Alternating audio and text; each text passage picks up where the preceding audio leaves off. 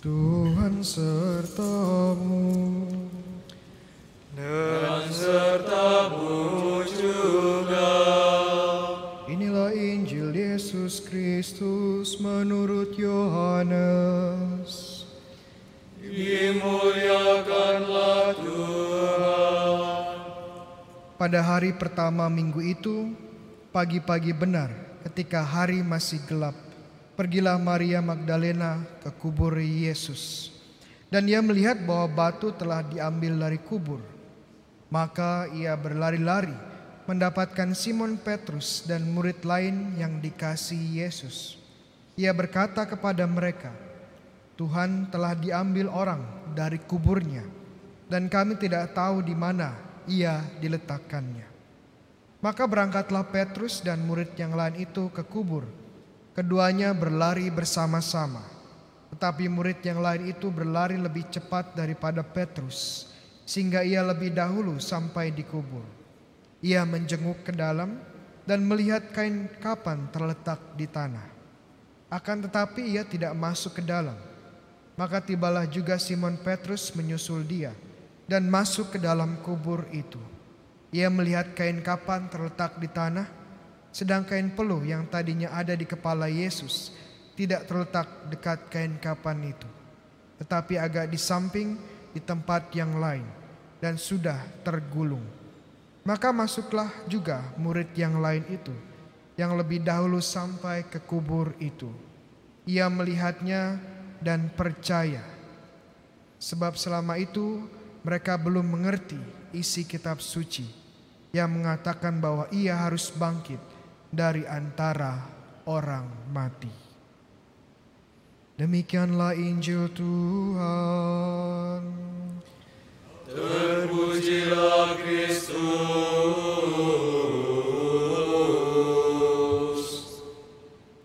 Saudara-saudariku yang terkadi, terkasih, sekali lagi selamat Paskah pada kita semua.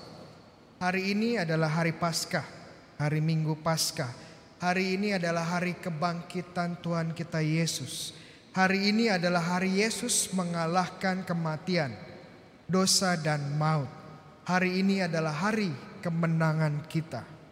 Tidak mengherankan jika hari Paskah itu hari dalam kalender gereja hari yang paling tinggi, puncak dari segala perayaan liturgi.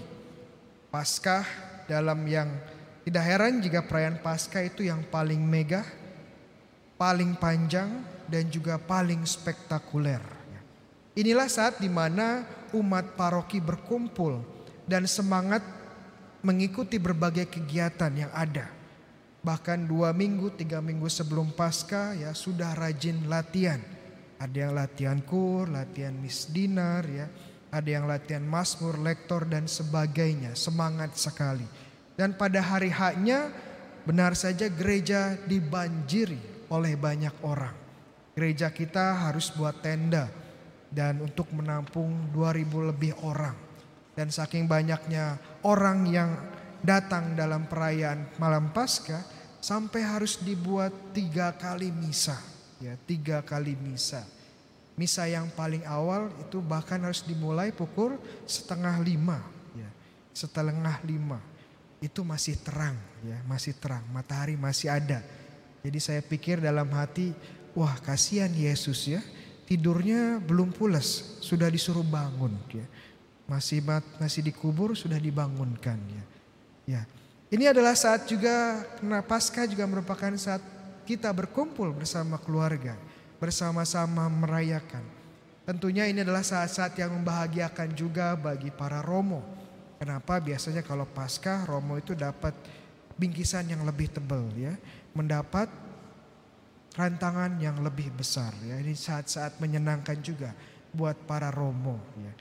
Namun tahun ini terasa berbeda.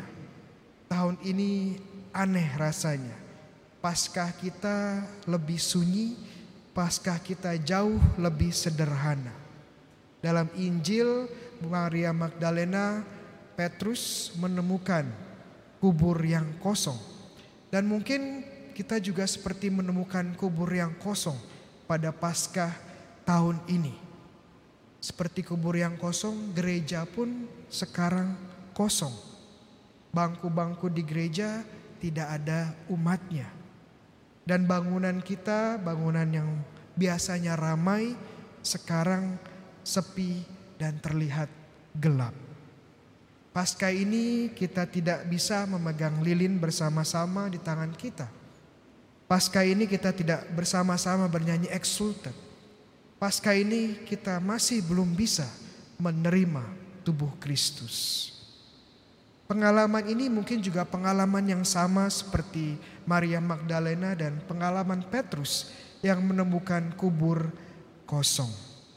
Maria Magdalena bingung di mana tubuh Kristus? Di mana tubuh Tuhan? Ya. Dan dia menangis di depan kubur tidak tahu harus bagaimana. Dia Maria Magdalena ini orang seorang wanita yang mencintai mengasihi Yesus. Tetapi dia harus melihat Yesus yang ia kasihi menderita. Bagaimana dia melihat Yesus disiksa, disalib dan akhirnya mati. Tentu ini pengalaman yang sangat menyakitkan saat kita harus melihat orang yang kita kasih menderita. Dan Maria Magdalena melihat Yesus mati seperti tidak bedanya dengan seekor binatang. Dan untuk menambah sengsaranya, untuk menambah kepedihannya dan sakitnya, saat dia pergi ke kubur untuk melihat jenazah Yesus, ya, untuk berkunjung ke makam Yesus, dia mendapatkan kuburnya kosong. Semakin dalamlah kesedihan dan sakit yang dia alami. Begitu juga Petrus. Petrus pernah bilang kepada Yesus, Tuhan Yesus saya akan memberikan nyawa saya kepada kamu. Saya akan meletakkan nyawa saya kepada kamu. Tetapi belum ada 24 jam dia ngomong seperti itu, dia sudah menyangkal Yesus. Berapa kali? Tiga kali, betul. Dan kalau teman-teman baca Injil Matius dan Markus, menyangkalnya juga bukan hanya sekedar menyangkal. Yang pertama dia menyangkal, kedua dia menyangkal dengan bersumpah. Dan ketiga, lebih parah, tidak hanya menyangkal, dia bahkan menyumpahi Yesus.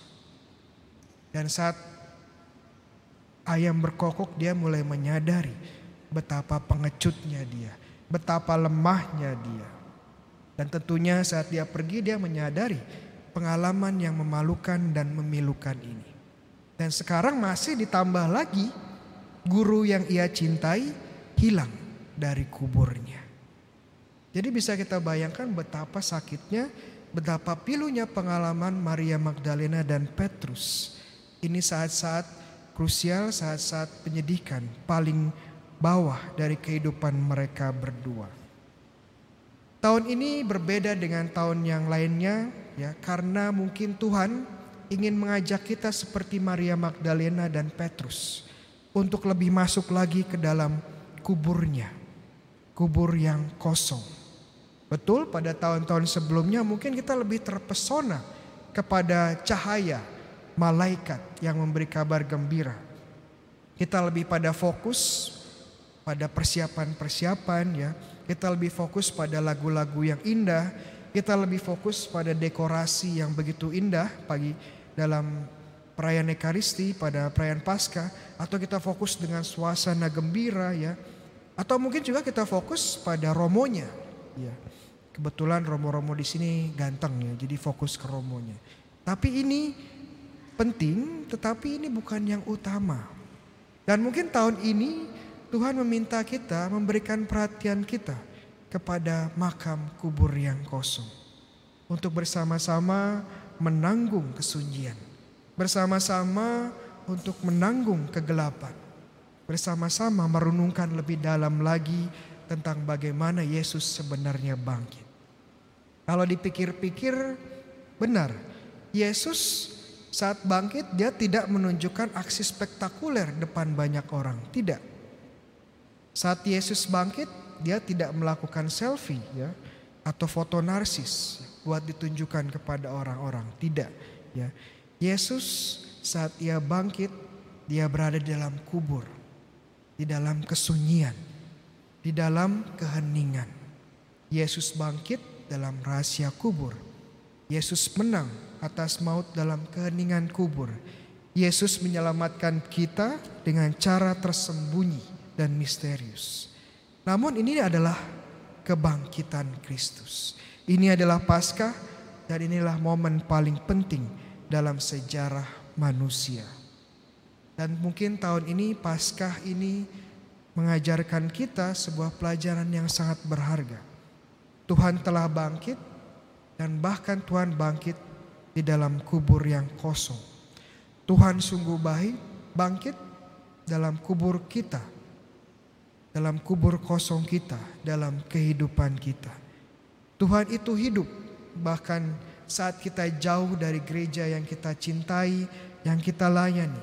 Tuhan itu sungguh hidup bahkan ketika kita merasakan yang paling sakit, kita merasakan kita tidak berdaya, harus sendirian di rumah, harus hanya di rumah saja, tidak bisa apa-apa. Tuhan itu hidup, bahkan ketika kita berjuang dengan berbagai kesulitan yang disebabkan oleh pandemi corona. Mungkin inilah saatnya bagi kita untuk merenungkan bagaimana Tuhan bekerja dengan lembut dengan rahasia di dalam hidup kita. Mungkin inilah saatnya kita memikirkan kembali prioritas dalam hidup kita. Sudahkah kita menempatkan Yesus dalam prioritas hidup kita? Mungkin inilah saatnya untuk menghargai orang-orang yang ada di sekitar kita, yang mengasihi kita tapi jarang kita perhatikan karena kita sibuk mengejar pekerjaan kita, mengejar mimpi-mimpi kita, mengejar karir kita. Mungkin ini saat yang tepat untuk mengucapkan kata maaf. Meminta maaf pada orang yang kita sakiti pada hari ini. Mungkin ini saat yang tepat untuk bersama-sama dengan teman-teman kita, sahabat-sahabat kita yang tidak bisa merayakan Paskah. Bukan karena corona, tapi karena memang mereka harus bekerja pada hari ini untuk menghidupi keluarga. Bukan karena corona, tapi mungkin karena mereka harus menanggung diskriminasi. Bukan karena corona tapi karena mereka harus menyembunyikan identitas mereka agar selamat. Pesan Paskah tahun ini begitu istimewa.